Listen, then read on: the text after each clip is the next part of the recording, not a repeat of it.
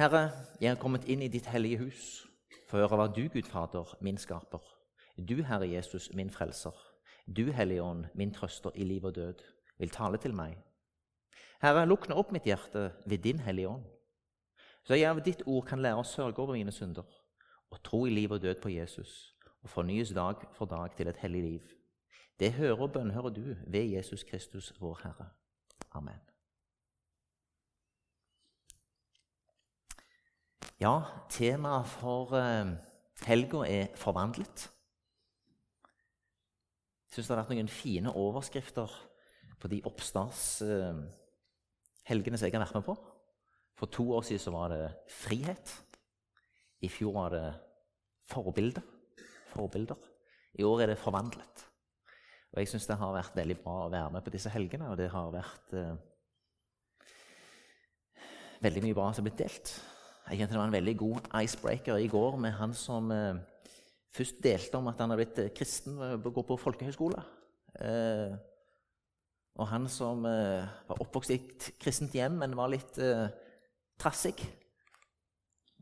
Som Gud måtte føre inn i ganske tøffe ting for å rikke han ut av det. Og han som for så vidt fått lov til å leve i det hele sitt liv, men òg kjente at Gud talte direkte til han, og at han opplevde seg forvandla. Gud handler med oss på så ulikt vis. Vi er så ulike som mennesker. Gud har skapt oss forskjellige. Gud har skapt oss uh, unike. Og Gud handler med oss unikt. Og det er godt å vite.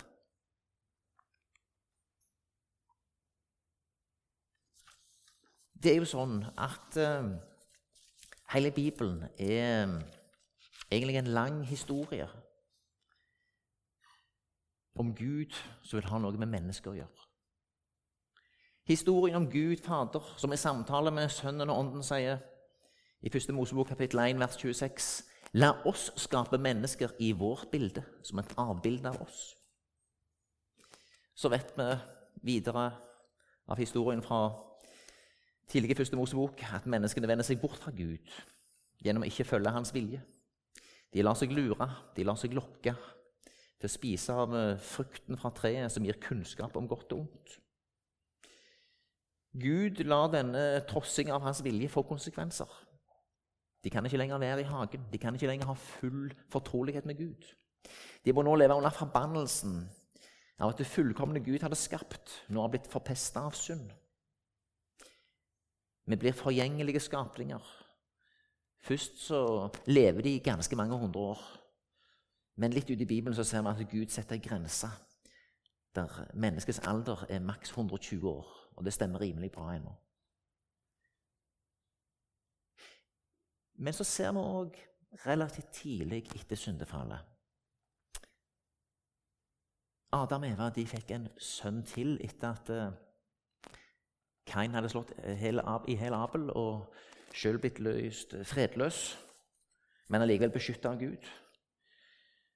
Men Kains i ett den eh, enda til å bli en veldig hevngjerrig gjeng. Men Adam og Eva de fikk en sønn til som heter Seth. Og Seth fikk også en sønn og ga han navnet Enosh. Og så står det, etter at Seth hadde fått sin sønn, så står det på den tid begynte de å påkalle Herrens navn.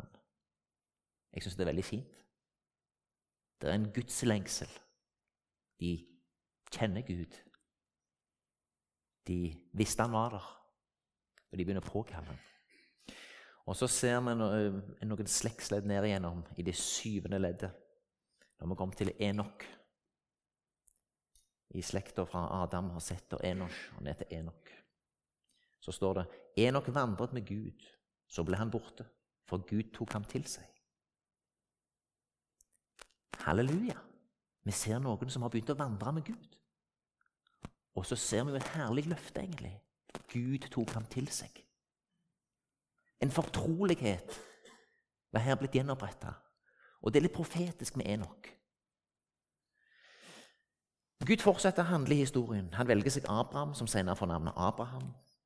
Han gjør en avtale med Abraham, synliggjort ved omskjærelsen av guttebarnet åtte dager etter fødselen.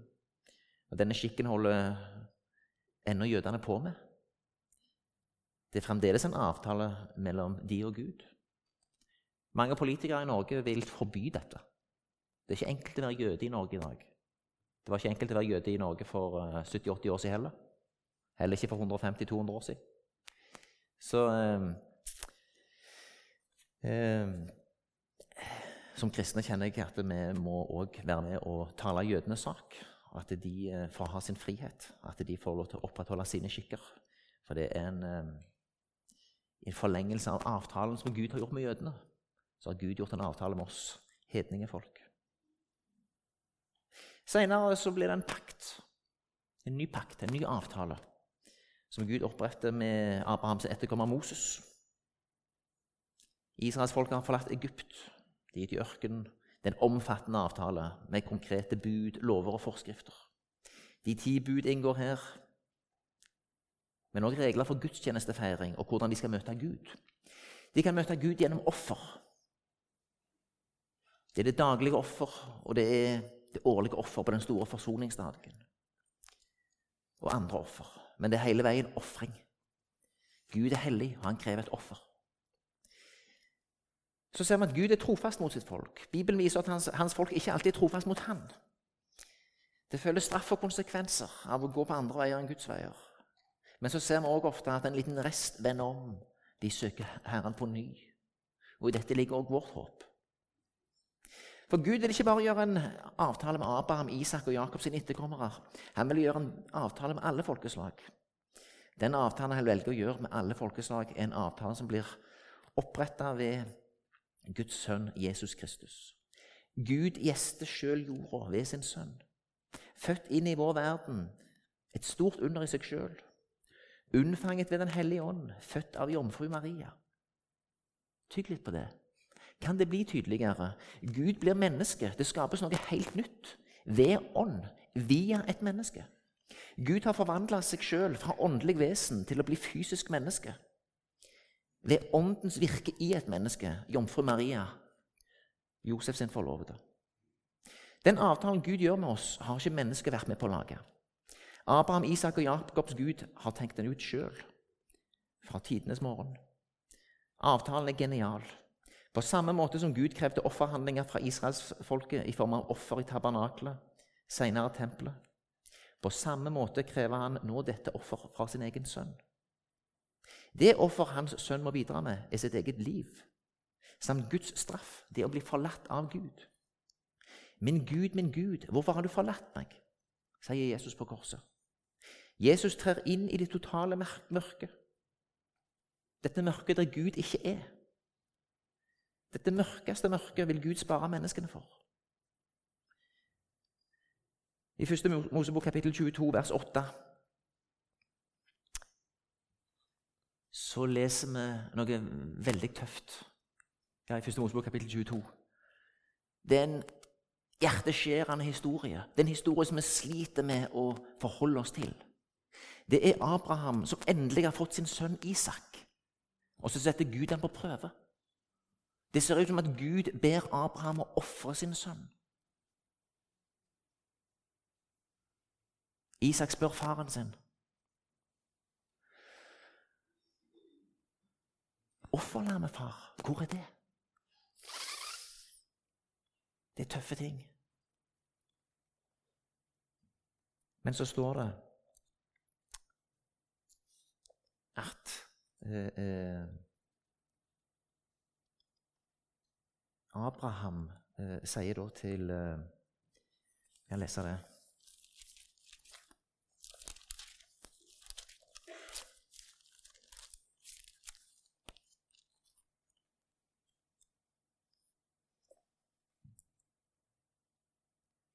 Du, far, ja, gutten min, se her er ilden og veden, men hvor er lammet som vi skal ofre? Gud vil nok selv se, et, se seg ut et offerlam gutten min. Gud vil nok selv se seg ut et offerlam, gutten min. Ja visst gjør Gud det.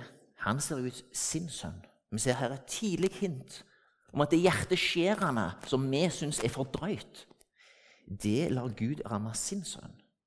Abraham slapp å ofre sin sønn, og vi slipper å ofre våre liv.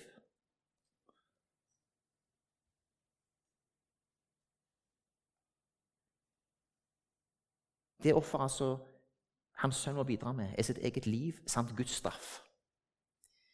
Eh, Offerlammet blir hans egen sønn, og sønnen er det du og jeg som skal få sette vår lit til. Den avtalen som Gud har gjort med hedningefolka, er en avtale som er gjort opp innenfor rammen av den treenige Gud. I den kjærlighet som finnes mellom Gud Fader, Guds Sønn og Gud den hellige ånd, er det allerede fra før den skapte tida inngått en avtale på vegne av menneskene. Gud har sjøl sett seg ut et offerlam. Når Jesus Kristus fra korset roper ut 'det er fullbrakt', så er det Gud som taler. Det er fullbrakt. Det er fullført. Vi har eh, snakket om det før, men jeg syns det er fint å gjenta det. Salem betyr fred. Shalom. Jerusalem, det betyr grunnlagt på fred. Shalom eh, et litt vidt begrep. Jeg har snakket med en teolog som sa at det kan for også bety eh, god innhøsting. Men ofte så betyr det fullførte forberedelser. Så det er altså en fred som er slik. Det er en fullført forberedelse. Og eh, Det senkes jo en spesiell fred i et hjem når noen har forberedt noe, og noe er klart. Det kan være folk som kommer på besøk. Ja, nå er det rydda og rent og fint, og maten er klar. Nå kan de bare komme. Freden har senka seg. Det har vært veldig stress før. Men nå begynner det å bli ro. Eh,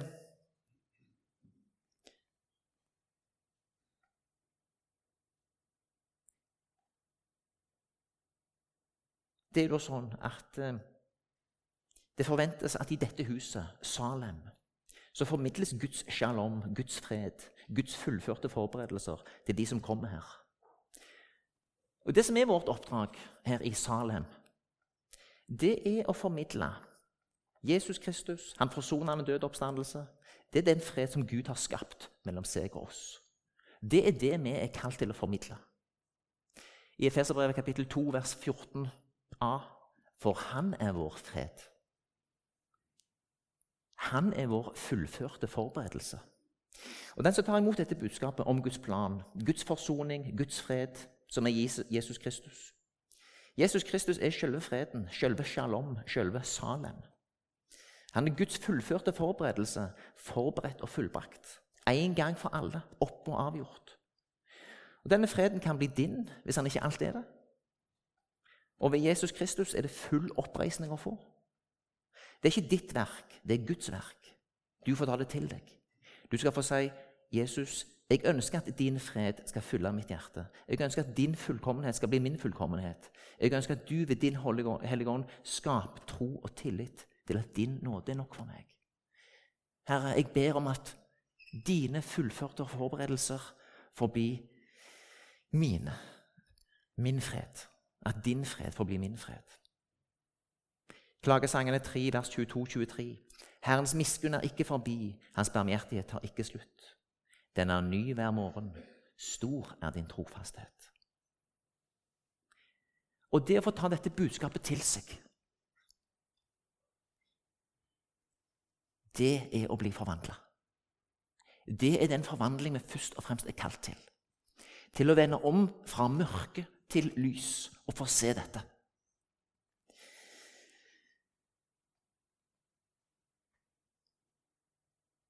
Og Det er et åndens verk at dette budskapet forhandler. På første pinsedag, da de tolv disiplene, de elleve opprinnelige og Mattias, som hadde overtatt etter Judas Når disse tolv fikk Den hellige ånd, så taler Peter til de som er samla i Jerusalem. 3000 mennesker tar imot budskapet. Det er en enorm manifestasjon av åndens nærvær. Et par timer etter at Gud har kommet til oss igjen, denne gangen ved Gud den hellige ånd, så er det over 3000 som blir forvandla av dette budskapet. Og Dette budskapet har nå forvandla menneskers liv i snart 2000 år. Så vil jeg lese en tekst som står i 2. Korinterbrev, kapittel 3, eh, vers 12-18. Da vi altså eier et slikt håp, går vi fram med stor frimodighet vi gjør ikke som Moses, som la et slør over ansiktet for at ikke Israels folk skulle se at glansen tok slutt. Men de ble forherdet. For helt til i dag er dette sløret blitt liggende når det leses fra den gamle pakts bøker, og det blir ikke klart for dem at pakten er opphevet i Kristus. Ja, helt til denne dag ligger sløret over deres hjerter hver gang Moseloven blir opplest. Når de vender om til Herren, blir sløret tatt bort. Herren er ånden, og hva Herrens ånd er, der er frihet. Og alle ser vi med utildekket ansikt Herrens herlighet som i et speil, og blir forvandlet til det samme bildet, fra herlighet til herlighet. Dette skjer ved Herrens ånd. Og alle ser vi med utildekket ansikt Herrens herlighet, som i et speil, og blir forvandlet til det samme bildet, fra herlighet til herlighet. Dette skjer ved Herrens ånd. Det kan ikke skje bare som en teoretisk sak som du har hørt. Det må bli noe som Ånden jobber i oss med. Ehm, det er slik at En kan kanskje ha tatt imot dette budskapet kanskje i ung alder, men senere kommet litt på avstand fra det. Livet floker seg til.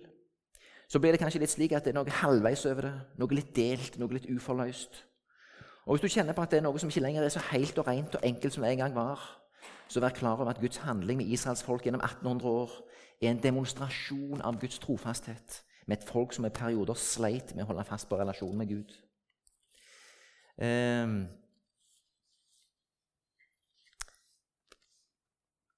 det er sånn at Gud vet hvem vi er. Han vet at vi trenger nåde og barmhjertighet. Um, jeg vender stadig tilbake til Salme 103. Dere som har hørt meg tale, uh, har sikkert fått sitert mye derifra. Uh, men det er noe med denne salmen som jeg uh, aldri blir helt ferdig med.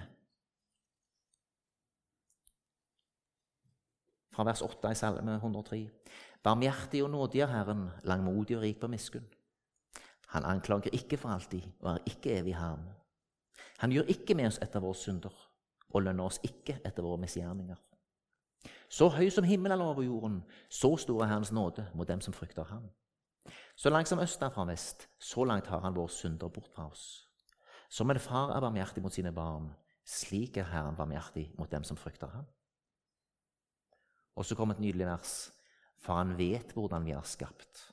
Han kommer i hu at vi er støv. Han vet at mennesker har delt sinn. Han vet òg at de som har tatt imot ham, kan ha litt store tanker om seg sjøl. Kan ha svære ambisjoner på vegne av Gud. Eh, og Bramfrid går hardt ut. Men han vet at vi trenger Hans nåde igjen og igjen. Og det å vokse i denne nåden det er det som er å være, bli forvandla. Det er ikke den ene gangen der du sa ja. Det er den stadige utviklingen. Der du får lov til å vandre med Herren på topper og i daler. Og der Gud får fornya deg. La oss ta litt om en av de tydeligste personene i Bibelen Peter. Peter, som når Jesus kaller han Følg meg. Så forlater han fiskebåten og garnet og følger etter. Og han kommer med noen fine proklamasjoner til eh, Jesus seinere. Herre, hvem skal vi gå til? Du har det evige livs ord, og vi tror og vet at du er Guds hellige. Wow! Han sa det så fint. Hvem skal vi gå til? Du har det evige livs ord. Hva skjer seinere? I møte med en litt tøff situasjon som Peter ikke helt hadde sett for seg. Der, der Jesus nå ser ut til å bli eh, ja, tatt til fange og bli hardt straffa, så blir altså da Peter utfordra på ja, men du er jo en av disse vennene hans. Nei, det er jeg ikke. Han fornekter han og banner på at han ikke kjenner han. Han gjør det tre ganger. Og så møter Jesus han.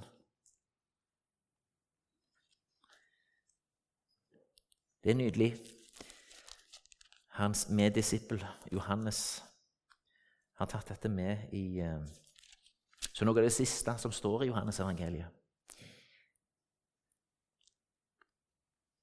Jeg syns det er veldig fint. Jesus gir Peter anledning til oppreisning. Jesus kjente Peter. Han visste han var ivrig. Han visste han hadde mye guts. Han visste han kunne snakke litt før han tenkte. Han visste han kunne si litt mer enn han kunne greie å fullføre i egen kraft. Men Peter får anledning til uh, tre ganger å bekrefte at 'ja, jeg har deg kjær'. Du vet alt. Du vet at jeg har deg kjær. Og så sier Jesus til Peter igjen, 'Følg meg'. Han sa det første gangen, men han sier det òg seinere. Han sier det etter at, Jesus, eh, etter at, Peter har falt, veldig, veldig dypt. Og så kommer han igjen i møte med Jesus. Jesus får han i tale. Peter bekrefter at 'jeg har deg kjær'. Og Jesus sier til ham, 'Følg meg'.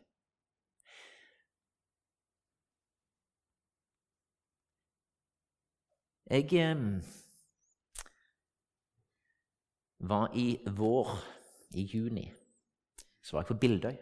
Noen som går på Bildøy her? Opp med hånden. Ja, veldig bra. Jeg var på 30-årsjubileum. Det var veldig spesielt. Noen som var på 10-årsjubileum Jeg syns de så ut som sånne litt yngre enn Salamon-folka. altså. Jeg syns de så ut som de antagelig skulle begynne på den skolen til høsten. Det var, de var tiårsjubilanter. Veldig merkelig. 20-årsjubilantene de så jeg eh, var nesten voksne. 30-årsjubilantene vi var sånn unge voksne. På rundt 50. Men så var det òg 40-årsjubilanter og 50-årsjubilanter. Og jeg syntes det var fantastisk. Særlig disse 50-årsjubilantene. Der var de ennå. De hadde sikkert vært på ganske mange jubileer, og de var der ennå. Gud hadde båret gjennom mye, og de var der og, og, og fikk lov til å dele litt. Det ble veldig spesielt med den 30-årsjubileumsgjengen. Vi var ganske mange på det kullet, men bortimot 100. Men det var 30 av oss som hadde kommet. Og så ble det en veldig god, åpen stemning der eh, på kvelden. Vi sitter egentlig i en stor ring, 30 stykker. Vi har ikke truffet hverandre på 30 år. Men så er det noen som har noen virkelig tøffe livserfaringer som de er veldig åpne med. Som har opplevd depresjoner, som har opplevd at de aldri kom skikkelig ut i arbeidslivet. Som har opplevd veldig tøffe ting. Og de deler så åpent om dette. Det skapes en veldig en fin åpenhet som gjør liksom at du kjenner Wow, Gud. Du er underens Gud.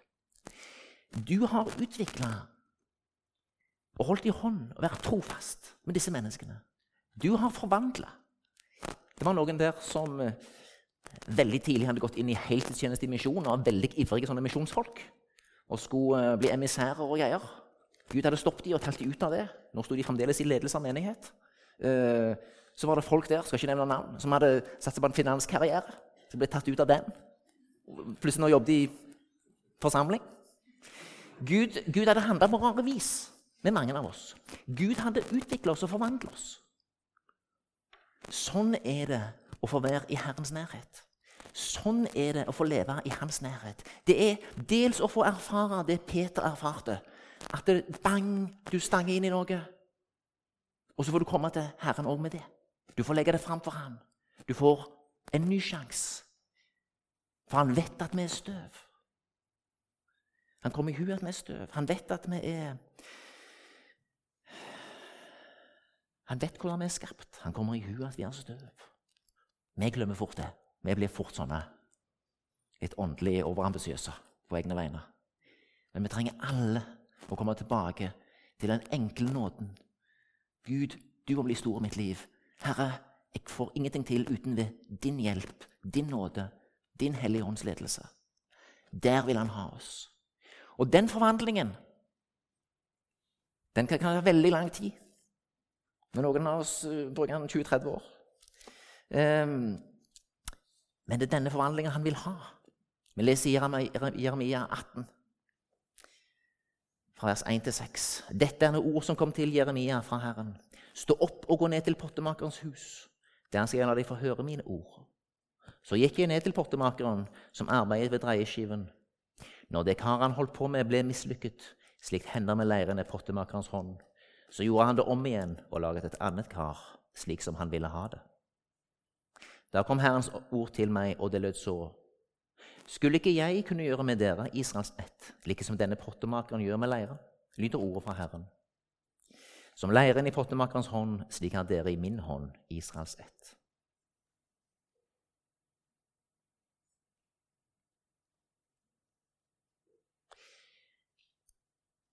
Han kan omforme oss. Han har kontroll. Han kan forvandle hele folk. Han kan forvandle nasjoner. NLM får være med på spennende ting. Nå snakket jeg med en kar i går som skulle reise ut til et misjonær til et rimelig lukka land der det ikke er så mange kristne. Eh, men jeg opplevde at han var begeistra. Han opplevde at folk der var interessert. Vi opplever veldig ofte at å, kristendom det har vi veldig mye kunnskap om, og vi vet at det er fæle greier, bare maktmennesker og, sant, og de tingene der, og skaper litt forlegenhet for oss som litt bramfritt vil evangelisere. Han opplevde at folk var nysgjerrige. Han opplevde åpenhet. Gud kan fremdeles forvandle denne nasjonen. Gud har jobba i tusen år her i, i, Norge. Han holder fremdeles på å utbre sitt rike i Norge og i mange andre land. Og vi får være med på det gjennom misjon. Jeg håper vi kan få snakke mer eh, med om han som eh, jeg snakket med i går. og Det, det tror jeg er fullt mulig. Og, og, og Han begeistrer iallfall meg, og jeg, jeg håper vi kan få være med og dele litt mer av det arbeidet som de står i. Gud kaller oss til etterfølgelse. Til å være eh, en del av hans plan.